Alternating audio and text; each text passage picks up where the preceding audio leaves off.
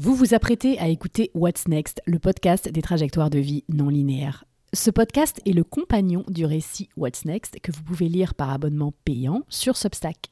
Un grand, grand merci aux abonnés qui rendent possible ce projet. Rendez-vous sur whatsnextmathilde.com pour rejoindre l'aventure et soutenir mon travail. J'espère que ce podcast vous donnera envie d'aller plus loin et de vous abonner dans une formule payante. Je m'appelle Mathilde Piton et vous écoutez le cinquième épisode de What's Next, des trajectoires de vie non linéaires. Dans cet épisode, je reçois Hélène Carillo, qui est entrepreneuse au Mexique. Avant ça, elle a été infirmière en France. Hélène va nous raconter euh, son parcours à multiples facettes. Dans cet épisode, on discute de son entreprise de vente de robes de mariée au Mexique, comment l'idée lui est venue, les galères par lesquelles elle est passée en tant qu'immigrante dans ce pays. Et vous l'entendrez, il lui est arrivé quelques trucs assez étonnants. On a aussi parlé de son blog, c'est comme ça que je l'ai rencontré. Et on a aussi parlé d'un gros mot, l'ambition. Je ne vous en dis pas plus, je vous laisse en compagnie d'Hélène et on se retrouve juste après. Allez, c'est parti Salut Hélène Salut Mathilde on, va rentrer directement dans le vif du sujet. Comment est-ce que tu réponds à la question Qu'est-ce que tu fais dans la vie?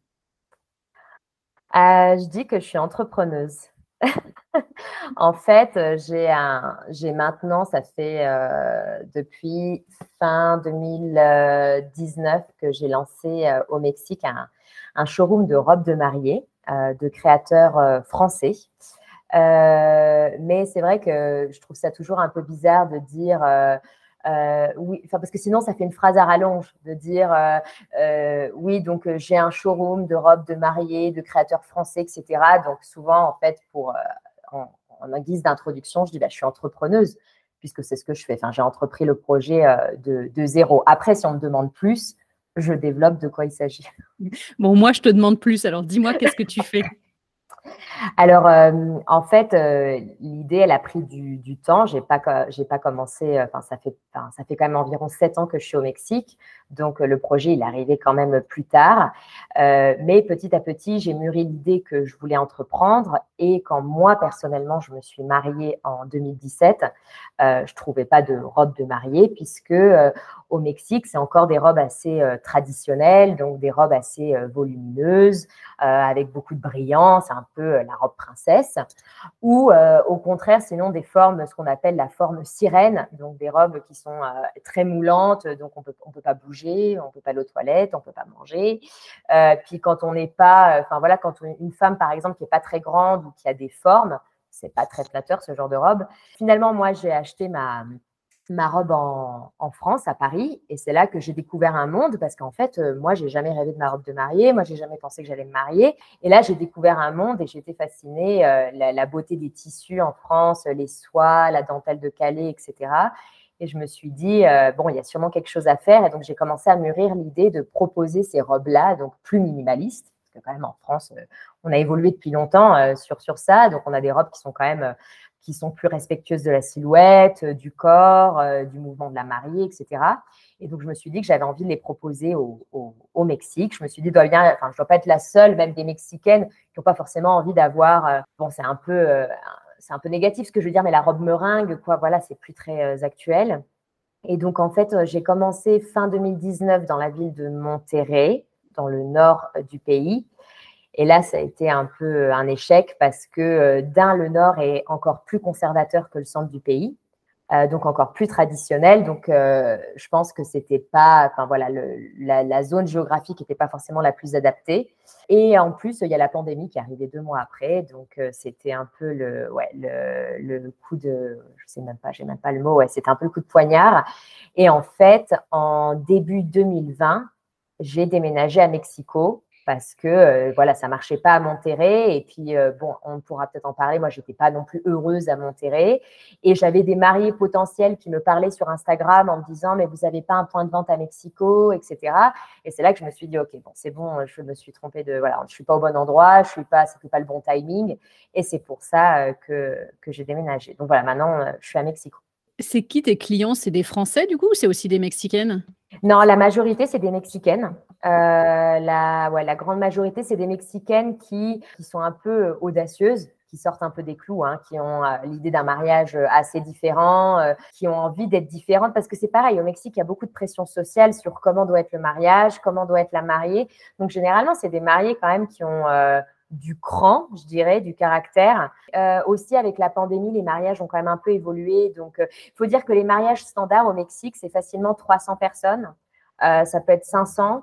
Donc, bah, avec la pandémie, il est forcé de faire des mariages plus petits. donc, par exemple, quand j'ai des mariés qui me disent j'ai un mari fait faire un mariage à 120 personnes, c'est hyper intime pour elles. C'est déjà mmh. hyper, c'est déjà un truc petit et tout. Donc, je pense que c'est pareil. Quand on va faire un mariage comme ça, bah, évidemment, le style aussi évolue. On n'a pas forcément envie d'avoir la, grosse robe. Donc, euh, finalement, d'une certaine manière, la pandémie, dans ce sens-là, à, moi, m'a un peu aidé. Euh, voilà, l'idée de faire des mariages plus simples, plus minimalistes, moins de gens.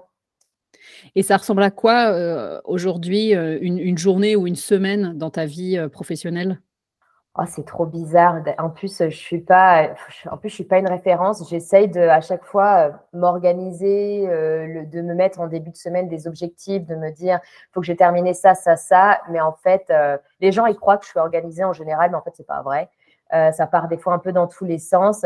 J'essaye de structurer mes journées, mais en fait, Mathilde, le problème, c'est en fait tout, tout ce que je fais, c'est tellement différent. par exemple, euh, je fais du marketing. Donc, il faut faire la page web, il faut animer les réseaux sociaux, donc en particulier l'Instagram, euh, donc créer du contenu, euh, le Pinterest aussi, parce que les mariées, elles passent beaucoup de temps sur Pinterest.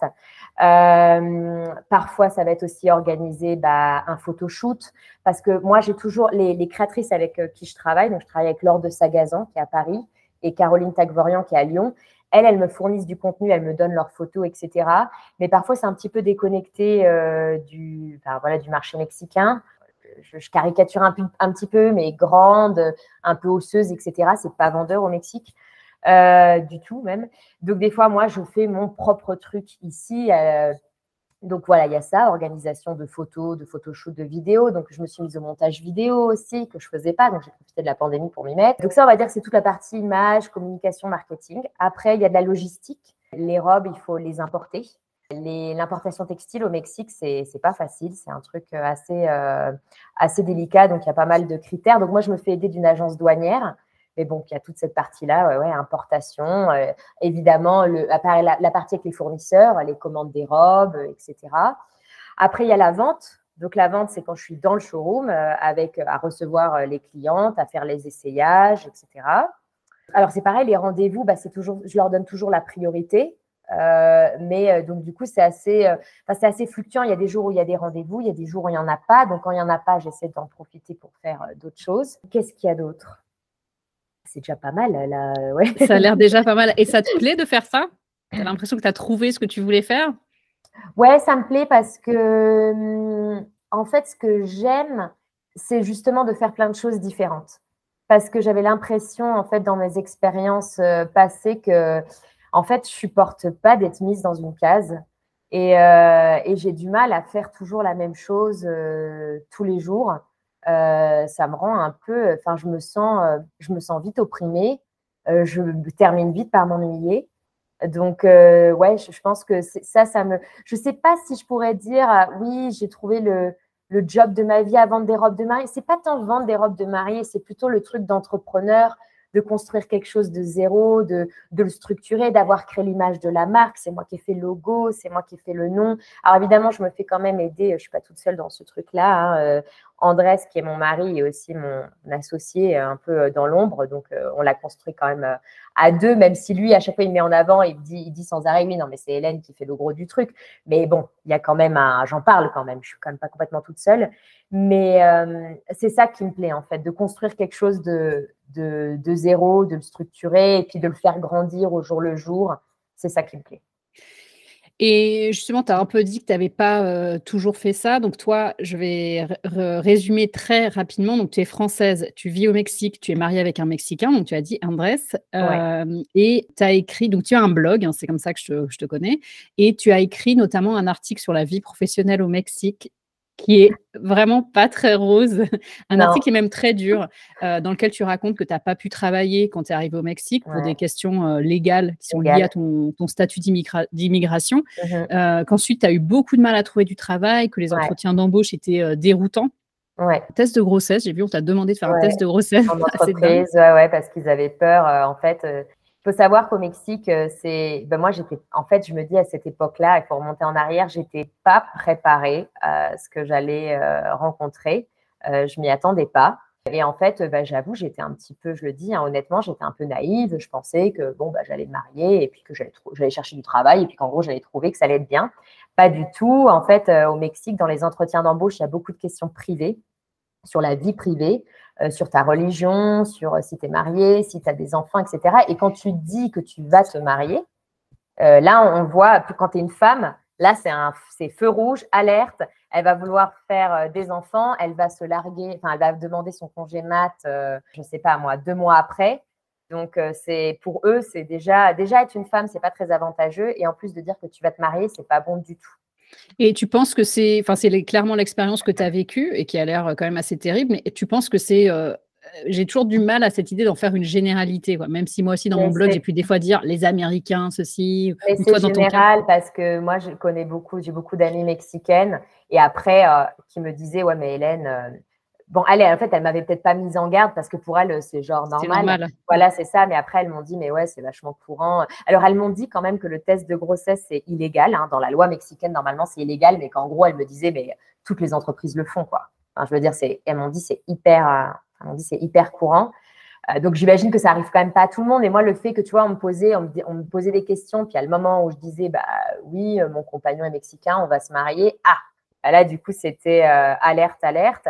Et puis, pareil, au début, ouais, normalement, même si tu te maries avec un Mexicain ou une Mexicaine, normalement, pendant deux ans, tu n'as pas le droit de solliciter un permis de travail. Donc là, on te dit vraiment à l'immigration, vous êtes sous la dépendance de votre époux. Euh, ça fait toujours plaisir. Hein. Voilà. Donc là, moi, je me disais, mais en fait, euh, je me suis dit, mais dans quelle vie, enfin, dans quel monde j'ai atterri En fait, c'est pas possible. Et en fait, moi, je m'en suis sortie un peu, c'est pas une entourloupe, mais en fait, avec un comptable euh, moi, j'ai dit que je voulais en fait pouvoir euh, facturer moi-même des, services. Donc, généralement, quand tu dis que tu veux payer des impôts, ça marche. Donc, on m'a enregistré dans le SAT, qui est l'équivalent du Trésor public en France, euh, comme indépendante. Et c'est comme ça qu'en fait, j'ai pu avoir le permis de travail en disant que je voulais travailler comme indépendante et tout. Et donc, au début, je donnais par exemple des cours de français. Et en fait, j'étais pas salariée de l'université où j'avais des cours de français, mais ils me payaient sur facture. Quoi. Mmh Mais donc dans cet si je reprends cet article, j'ai trouvé qu'il était quand même, euh, il était vraiment euh, lourd, quoi. On sent quand même c'est encore lourd, hein. Même, après, même après les années après, quand j'y repense, ouais, c'est encore, euh, ça m'a, ouais, ça m'a vachement impacté, hein. Même encore mmh aujourd'hui, quand j'y repense, enfin, même des, des, fois, je me dis, par exemple, le test de grossesse, en fait, j'aurais pas dû enfin, je voulais pas accepter ça en fait, parce que dans ma tête, je me suis dit c'est bon, je, prends mon sac et je me casse en fait. Mais comme c'était grâce à un ami de, qui bosse dans la boîte que j'avais pu avoir l'entretien, j'ai pas voulu griller non plus en fait, parce que je me suis dit ils vont se dire attends la, folle, la française qui se casse comme ça, tu, qui, tu nous as conseillé, euh, mais c'est qui cette nana? Donc je me suis dit c'est bon, je, je ronge mon frein et je le fais. Mais en fait, à partir du moment en fait où je suis sortie de la boîte je me suis dit, je reviens plus jamais ici, je remets plus jamais les hmm. pieds. Et quand ils m'ont fait l'offre d'embauche, je n'ai pas développé, mais je leur ai dit non, merci. Mais euh, tu disais que, le, si je reprends cet article, tu disais qu'un parcours linéaire était la norme au Mexique. quand tu as écrit ça, évidemment, moi, j'ai surligné en 10 000, 10 traits virtuels, puisque ici, j'aime bien parler des parcours non linéaires. Donc, comment, toi, tu es arrivé justement de cette de cette galère en arrivant, peut-être c'est un mot exagéré, tu me diras, cette détresse à aujourd'hui, bon, tu as ton entreprise, tu as l'air plutôt content de ce que tu fais. Enfin, qu'est-ce qui s'est passé pour en arriver là quoi? En fait, le problème, quand je suis arrivée au Mexique, j'étais en phase de reconversion, puisque moi, je suis arrivée au Mexique parce que j'avais décidé, donc moi, à la base, je suis infirmière. Euh, et en fait, j'ai repris, donc après sur le tard des études, hein, j'avais 26-27 ans quand euh, j'ai repris le chemin de l'école. Donc j'ai fait une année à l'ESIV, qui est l'école supérieure des industries du vêtement à Paris, qui s'appelle maintenant La Fabrique, parce que j'étais intéressée par la mode et par le textile. Et après, j'ai fait le master en in European Business de l'ESCP. Et c'est dans le cadre de, ce, de ça que je suis partie en échange au Mexique. Ça s'est fait comme ça. Sauf que donc moi, là, j'étais en train de passer euh, du jour à la nuit. quoi. Une infirmière euh, qui veut travailler dans le commerce, dans la mode, qu'est-ce que c'est que ce truc? Donc déjà, sur le papier, c'est pas très vendeur. Et en fait, je pense que peut-être que si j'avais fait mon stage en France, à Paris, ou si j'avais, euh, j'aurais j'aurais pu me créer un peu, euh, je sais pas, j'aurais pu réajuster mon CV, tu vois, en travaillant pour une boîte française et tout. Mais non, parce qu'à ce moment-là, finalement, je décide de m'installer au Mexique. Donc, je pense que pour les Mexicains, c'était hyper bizarre. C'est quoi cette nana qui est infirmière, mais qui euh, euh, finalement vient de faire un master en commerce, etc. Je pense que c'était un truc déjà pour eux un peu. Un mais est-ce que pour toi, c'était clair? Ouais, pour moi, Ouais, pour moi, c'était clair que, en fait, bah ouais, c'était clair, puisque quand j'étais en fait euh, infirmière et qu'après j'étais directrice adjointe de crèche, quand je suis partie à l'ESIV, à l'ESCP, c'était clair que pour moi, je voulais bosser dans le marketing, la com et la mode. Parce qu'à un moment, je me suis réveillée en me disant, euh, moi, je pense qu'en fait, euh, j'ai pas été très bien orientée. Je pense qu'en fait, le problème, c'est que je voulais faire des tas de trucs. et qu'à un moment, bah, on ne peut pas tout faire et qu'à un moment, il faut quand même choisir, enfin voilà, faut quand même choisir un chemin j'ai atterri un peu, ouais, un peu par hasard euh, comme infirmière en me disant à maman, j'avais quand même pas mal. C'est-à-dire que j'étais un peu, moi, enfin, ouais, adolescente, j'étais plus tellement adolescente, mais jeune adulte, c'était un peu le bazar dans ma tête à cette époque-là. Donc, euh, je touchais un peu à tout. Je suis rentrée en prépa lettres, euh, ça s'est pas bien passé. après, été en, en, fac d'art plastique, ça s'est pas très bien passé. Et après, je termine en école d'art parce qu'en fait, je commence à paniquer aussi. Je me dis, faut que je fasse un truc de ma vie. Et puis pareil, ma mère aussi me dit euh, qu'il vivait à l'étranger, quand même, elle m'appelle et me dit ouais, ce serait bien que tu fasses quand même un truc de ta vie, que ce que tu commences, tu le termines. Ce sur quoi elle n'avait pas fondamentalement tort. Mm. À un moment, il fallait bien terminer un truc.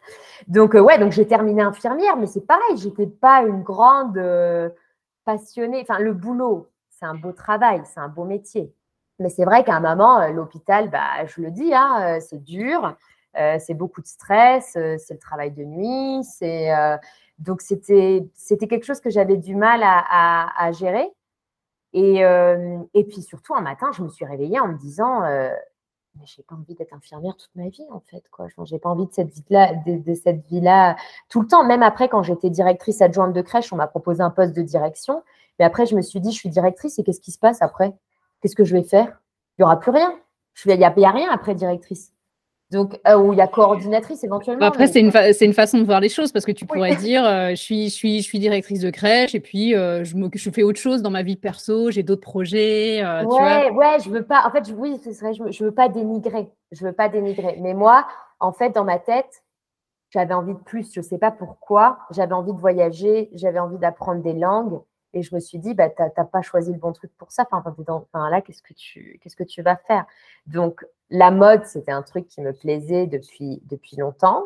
Euh, la créativité, etc. Et c'est pour ça qu'en fait, quand je suis partie à l'ESIV et à l'ESCP, c'était clair que je voulais me reconvertir dans le secteur euh, de la mode, euh, du marketing, etc. J'avais quand même ça, j'avais quand même ça en tête. Après, ce que j'avais pas planifié, c'était que j'allais euh, tomber amoureuse d'un Mexicain et que j'allais vouloir m'installer au Mexique, dans une ville qui est pas du tout une ville axée sur la mode ou sur c'est une ville industrielle. c'est des usines. Quand tu étais, quand étais à Monterrey au départ. Quoi. Ouais, c'est ça, voilà. Et, et en fait, sur le moment, j'ai, voilà, c'est ça, j'ai été un peu j'ai pris le truc à la légère. Je me suis dit, mais je vais rebondir, je vais rebondir, je vais y arriver. C'est la, la, fougue de la jeunesse aussi, où on se dit, euh, je vais y arriver, ça va aller. C'est ça, je me suis dit, ça va aller. Et tout le monde s'inquiétait pour moi. En particulier, je me rappelle mon papa euh, qui me disait, mais t'es complètement tombée sur la tête, ma pauvre fille. Et quelque part, il n'avait pas complètement. Bon, au final, j'ai réussi à rebondir, mais au final, il n'avait pas complètement tort. En fait, je n'avais pas bien mesuré comment ça allait se passer avec l'immigration, comment ça allait se passer avec le marché du travail, comment j'allais réussir à me vendre n'avais pas bien évalué tous ces paramètres. C'est vrai que c'est difficile d'anticiper, mais alors comment tu as fait entre le moment où tu cherches un premier job, enfin où tu arrives au, Mexique, à Monterrey, et jusqu'à maintenant, moi je veux savoir les, de ta propre voix, les sept ans. Euh, bah, au début, euh, bah, j'ai vivoté. Donc, euh, bah, je faisais ce que je pouvais hein, au début pour, pour gagner de l'argent. Donc, j'ai donné des cours de français. Euh, je n'étais pas prof de français, mais bon, on se dit toujours, oh, bah, les donc elle peut donner des cours de français. Après, euh, j'ai été embauchée pendant un temps pour une boîte euh, qui s'appelle, bon, je peux dire, qui s'appelle Info6, qui est en fait, c'est une boîte où on sous-traite. Donc, en fait, par exemple, moi, j'ai été affectée à un projet pour une mine qui se situe au Québec. et en fait, ils avaient besoin de personnes qui parlaient français pour faire le sourcing et les, achats. Pourquoi? Parce que en fait, c'est un peu horrible. En plus, c'est pas du tout mes valeurs. En fait, c'était en gros, bah, des Canadiens, ça coûte cher. Donc, qu'est-ce qui se passe? Pourquoi pas euh, outsourcer au Mexique et donner à des Mexicains qui parlent français euh, à faire le boulot des achats, euh, du sourcing, etc. C'était très compliqué parce que évidemment, ils ont viré beaucoup de gens, bah, beaucoup de Canadiens qui de, la mine. Hein, on leur a dit, bah, vous, voilà, vous dégagez. Donc en fait, c'était, il restait plus que les gens dans la mine en tant que telle, et nous, on devait être en lien avec eux bah, pour connaître leurs besoins, quel matériel on achète, etc. Mais il y avait beaucoup de friction. Parce que, bah, évidemment, les Canadiens, les Québécois, ils le prenaient pas très bien, tout ça. Euh, et, donc, en fait, c'était un peu.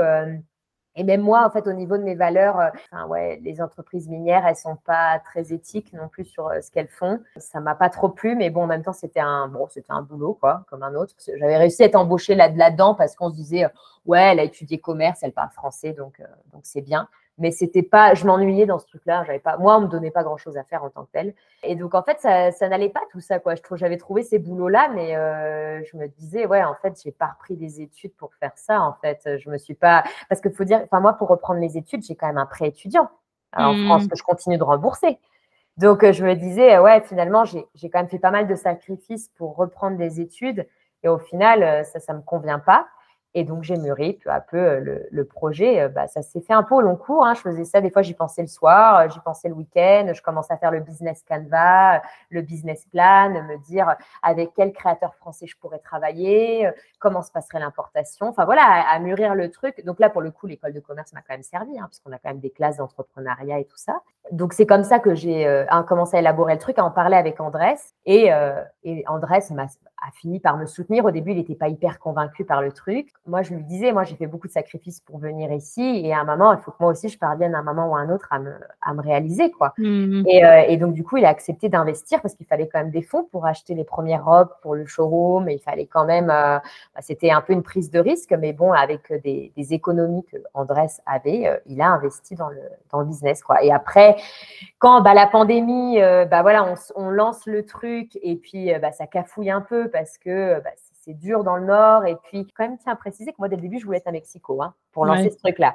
Mais lui, il n'était pas prêt à ce moment-là à déménager. Il faut dire qu'Andrés, euh, il n'avait jamais quitté Monterrey.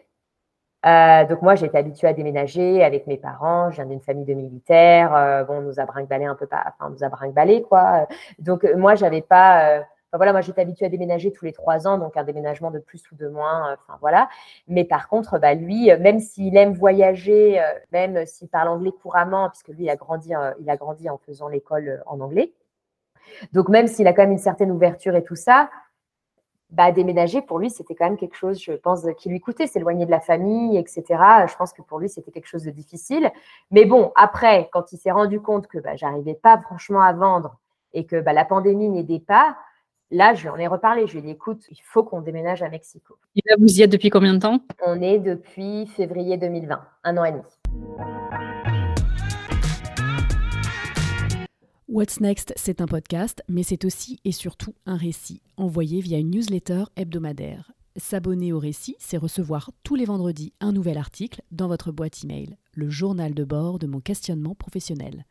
Vous avez aussi accès à toutes les archives. Le récit est classé par ordre chronologique, comme ça c'est hyper facile de vous repérer.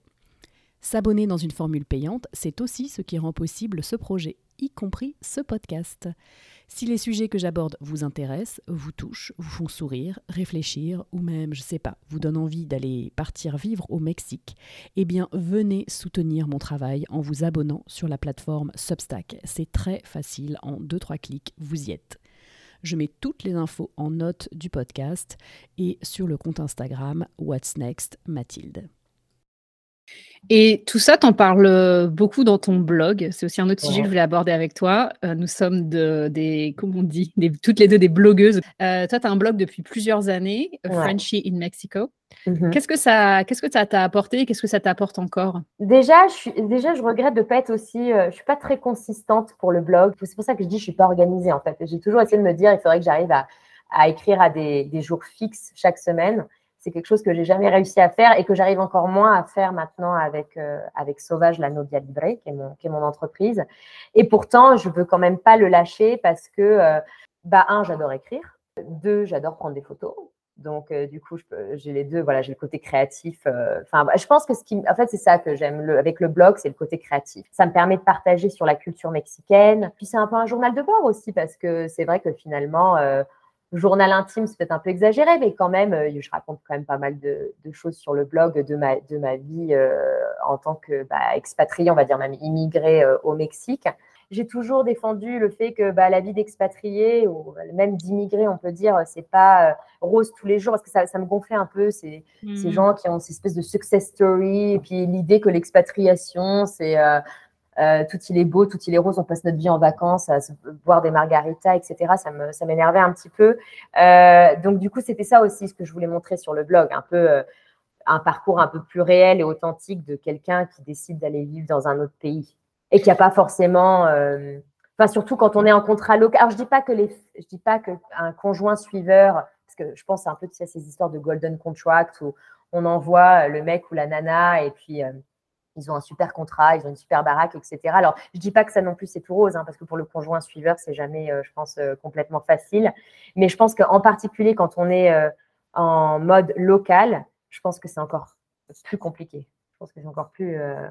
Tu le fais bien, en tout cas. Enfin, moi, j'ai plaisir à lire tes articles, même si, comme tu dis, ils ne sont pas réguliers, mais j'ai plaisir, à les, j'ai plaisir à les lire et ce côté des longs récits sur ouais, sur une vie qui est différente. Enfin, on est toutes les deux, on, est, on vit toutes les deux à l'étranger, mais bah moi, le Mexique, je connais pas, et c'est ça, je trouve aussi, c'est cette porte d'entrée qui est super, qui est super intéressante. J'arrive vers la fin de mes questions. Ce serait quoi une vie professionnelle réussie, selon toi? Ah, C'est super compliqué. Sinon, dans 10 ans, tu es plus jeune que moi, tu es au début de ta trentaine. Ouais, j'ai 34 ans. Ok. Qu'est-ce que ce serait, toi, à 44 ans Tu pourrais te dire, euh, non, franchement, c'était une bonne décennie. Ah, je me sens divisée. Alors, je vais la répondre en deux temps. Ça ne va pas se passer comme ça, mais le rêve, ce serait que euh, je sois devenue écrivaine. le, rêve, ce serait qu'en fait, euh, on, oublie Sauvage, donc ma boîte, on l'enlève de l'équation et qu'en fait, j'ai réussi à publier un livre ou deux livres et en fait, j'arrive à vivre de l'écriture. On va dire que ça, ce serait euh, le rêve. Après, en atterrissant un peu les choses, en étant un petit peu plus réaliste et avec ce que je suis en train de faire euh, avec Sauvage, euh, je, me bats vraiment tous les jours pour, bah, voilà, pour arriver à vendre, pour le, pour le faire grandir, pour arriver à ce moment-là. Pour moi, ce serait que Sauvage, dans dix ans, ça soit devenu, j'ai peut-être, je ne travaille pas seulement avec deux créateurs français, mais avec quatre ou cinq. j'ai un espace encore plus grand. Euh, j'ai réussi à vraiment me faire un, nom au Mexique parce que quand on entreprend quelque chose, Sauvage, la Novia Libre, euh, aujourd'hui, euh, il y a beaucoup de gens, ils ne savent pas ce que c'est. Les gens au Mexique, ils connaissent Pronovia parce que Pronovia, c'est la grande marque espagnole et c'est la marque qui est implantée depuis plus de 15 ans dans le pays. Donc voilà. Ben moi, j'aimerais bien que peut-être dans 10 ans, bah, Sauvage la Novia Libre, on en parle comme si c'était the place to go. Enfin, voilà, le, ouais, ce serait ça. Que vraiment Sauvage soit devenu euh, une boîte, euh, pas une petite boîte, pas, pas, pas l'état qu'elle est aujourd'hui, toujours d'entrepreneuriat, mais, euh, mais vraiment la, la boîte de, pas de renommée, mais qui a, ouais, qui a un certain prestige. Mais je te le souhaite, mais tu es dans, dans la voie pour ça, quoi. Ouais, ouais, mais je suis, après, hein, après je, le dis, enfin, je me rappelle quand j'étais jeune, je disais tout le temps, non, moi, je suis pas ambitieuse, moi, parce que j'avais l'impression que c'était aussi pas quelque chose, tu sais, de, je sais pas pourquoi, que c'était pas quelque chose de positif de dire qu'on est ambitieuse, etc. Et en fait, je me suis rendu compte en lançant Sauvage, et pareil, en me mettant au Mexique, je me suis mise à la course à pied, etc. Et en fait, je me suis rendu compte que, ouais, en fait, je suis vachement ambitieuse. c'est un truc que je m'avouais pas, mais en fait, si, je suis hyper ambitieuse. Depuis que là, j'écris sur, sur le travail et tout ça, moi, j'ai tendance à utiliser le mot carrière pour dire euh, la suite des métiers qu'on fait. Mais en fait, c'est vrai qu'il y a une grosse connotation dans carrière, dans euh, carrièriste, euh, ouais, mon plan de carrière euh, pour gravir les échelons, ouais, c'est ça. Alors qu'en fait, c'est vrai que moi, je me le dis, je, me, je le vois plus comme la, ouais, la suite de métiers qu'on fait. Ouais, la suite de métiers, le cheminement, le, la, croissance professionnelle. Quoi, Et ambition, on pourrait le voir aussi euh, comme ça, de côté, qu'est-ce que je souhaite pour moi, quelle est mon ambition?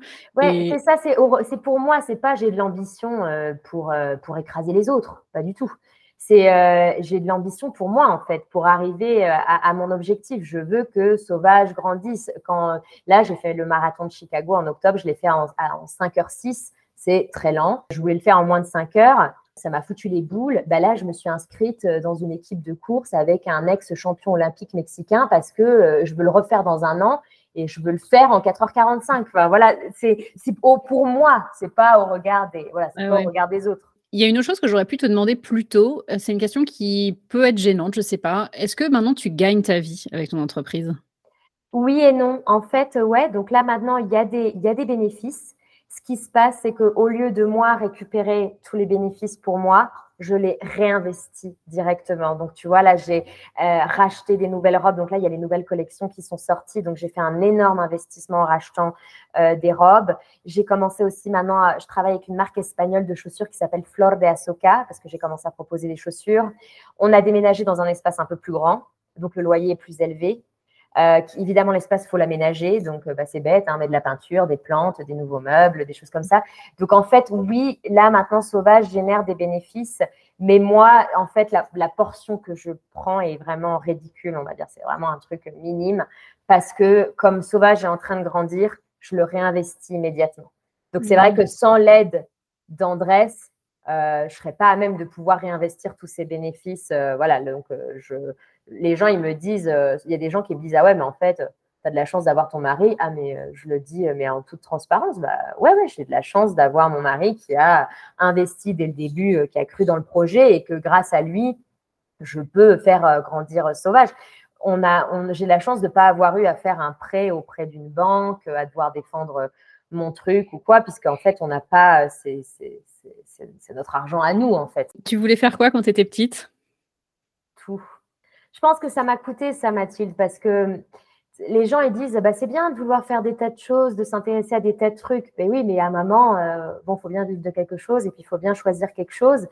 Et moi, en fait, chaque jour, je voulais faire quelque chose de différent. Je voulais euh, euh, je voulais être artiste, je voulais être écrivaine, euh, je voulais peindre, je voulais être vétérinaire parce que j'adore les animaux, euh, je voulais être architecte, je voulais être. Donc c'était quand même, c'était quand même plutôt des choses quand j'y pense plutôt créatives. J'ai jamais dit je veux être chimiste ou j'ai jamais dit je veux être ingénieur, je suis nulle en maths. Mais c'était compliqué parce que ouais, je voulais toujours faire. j'avais pas, j'avais pas d'idée précise de ce que je voulais faire. Bah écoute, je te remercie beaucoup, Hélène. Ça m'a fait très plaisir. Vous pouvez retrouver Hélène sur Instagram. Son compte c'est Frenchy in Mexico et son blog efrenchyinmexico.com. Vous la retrouvez aussi sur son site de robe de mariée, Sauvage El Novia Libre, qui est aussi sur Instagram et en personne à Mexico. J'étais très contente de parler à Hélène parce qu'on se suit mutuellement depuis des années sur nos blogs respectifs. Comme souvent, on a continué de parler après la fin de cet entretien euh, officiel. Et comme pour les autres personnes avec qui j'ai parlé, il s'est passé des choses dans cette conversation en off. Avec Julien, c'était la place du conjoint, par exemple. Avec Hélène, on a parlé de la place des enfants et du choix de ne pas en avoir. Alors j'ai hésité à lui poser la question. Elle, en a déjà parlé ouvertement. C'est une, une question personnelle, bien sûr, et très sensible que j'aurais pas balancé euh, sortie de nulle part. Et ce qu'on en a dit, c'est pas seulement que entreprendre et avoir des enfants, c'est potentiellement un casse-tête euh, logistique et qui représente un coût financier énorme dans un pays comme le Mexique. Mais pour elle, en fait, elle est tout simplement convaincue de ne pas vouloir d'enfants. C'est son chemin. Donc c'est vrai que ça n'entre pas dans son, équilibre de vie dans les, années à venir de comment combiner enfants et travail. Hélène m'a dit qu'on lui mettait la pression, malgré tout, qu'on lui posait la question. Alors c'est une question que je pense toute femme au-dessus de 30 ans sans enfant se voit poser, euh, souvent sans tact et sans se demander si c'est notre place de poser une telle question. Et effectivement, moi, même si elle en a parlé ouvertement, j'avais pas envie au départ de poser la question des enfants. Je voulais rester strictement portée sur le travail. Mais force est de constater qu'il est difficile d'éviter le sujet. Avoir ou pas des enfants, c'est un choix personnel, mais qui a tellement d'implications dans la vie professionnelle. Ce sera mon sujet dans les prochains récits What's Next dans les semaines à venir. Ma reprise du travail avec un enfant, quelle solution de garde dans un pays, en l'occurrence pour moi les États-Unis qui est tout simplement hostile au fait que les deux parents travaillent. Mais bon, ça c'est pour, euh, pour plus tard, c'est pour le récit. Ce que je retiens de ma conversation avec Hélène, déjà, c'est sa bonne humeur, c'est sa franchise qu'on retrouve dans ses articles de blog. Vraiment, je vous invite à aller les consulter. J'aime bien aussi son obstination et son côté papillon, euh, qui improvise des solutions, même si elle l'a dit, ça lui a quand même pas mal joué des tours. J'ai bien aimé qu'on parle du rôle de son conjoint. On a parfois l'impression que des beaux projets entrepreneuriaux peuvent exister seulement si on le veut, à la force du travail, de la persévérance. Mais bon, clairement, il faut pouvoir subvenir à ses besoins. L'argent, c'est aussi un sujet de, What's Next, mais bon, là, clairement, il faut que j'arrête de faire du teasing. Euh, le texte, mon récit, c'est sur Substack et il y aura voilà, ces thèmes de l'argent, des enfants euh, dans, les, dans les semaines à venir. En tout cas, voilà, à nouveau, Hélène qui est franche et qui, qui, dit, qui aime bien dire les choses, euh, bah voilà, elle dit que son projet il marche, euh, marche bien, euh, mais il marche aussi avec l'aide de son conjoint. Et vous, qu'est-ce qui vous a marqué dans cette conversation avec Hélène Carillo Si vous avez des remarques, des questions, des choses à ajouter sur cette conversation, rendez-vous sur Instagram à What's Next Mathilde, laissez un commentaire sous le post dédié à cet épisode. Dans mes DM Instagram. Vous répondez cette semaine à la question Avez-vous suivi une formation qui a complètement changé le cours de votre carrière? Non, il n'y a pas de DM Instagram cette semaine. Personne ne m'a envoyé de message sur le sujet de la formation. Pour participer au prochain podcast, j'attends vos réponses à la question suivante. Comment s'est passée la reprise du travail après votre premier enfant? Ou votre deuxième Ou votre troisième? Pour participer, j'attends vos réponses dans mes DM Instagram sur mon compte What's Next Mathilde. Je m'appelle Mathilde Piton et vous venez d'écouter What's Next, des trajectoires de vie non linéaires. Si cet épisode vous a intéressé et que vous l'écoutez jusqu'au bout, c'est-à-dire jusqu'à maintenant, eh bien, abonnez-vous, partagez-le. Mettez-lui des étoiles sur votre app d'écoute, 5 de préférence, c'est important pour moi de savoir euh, ce que vous aimez, que vous l'aimez. Euh, voilà. See you dans deux vendredis pour un prochain épisode et tous les vendredis pour un nouveau récit. Pour vous abonner, soutenir mon travail, rendez-vous sur whatsnextmathilde.com. Bye bye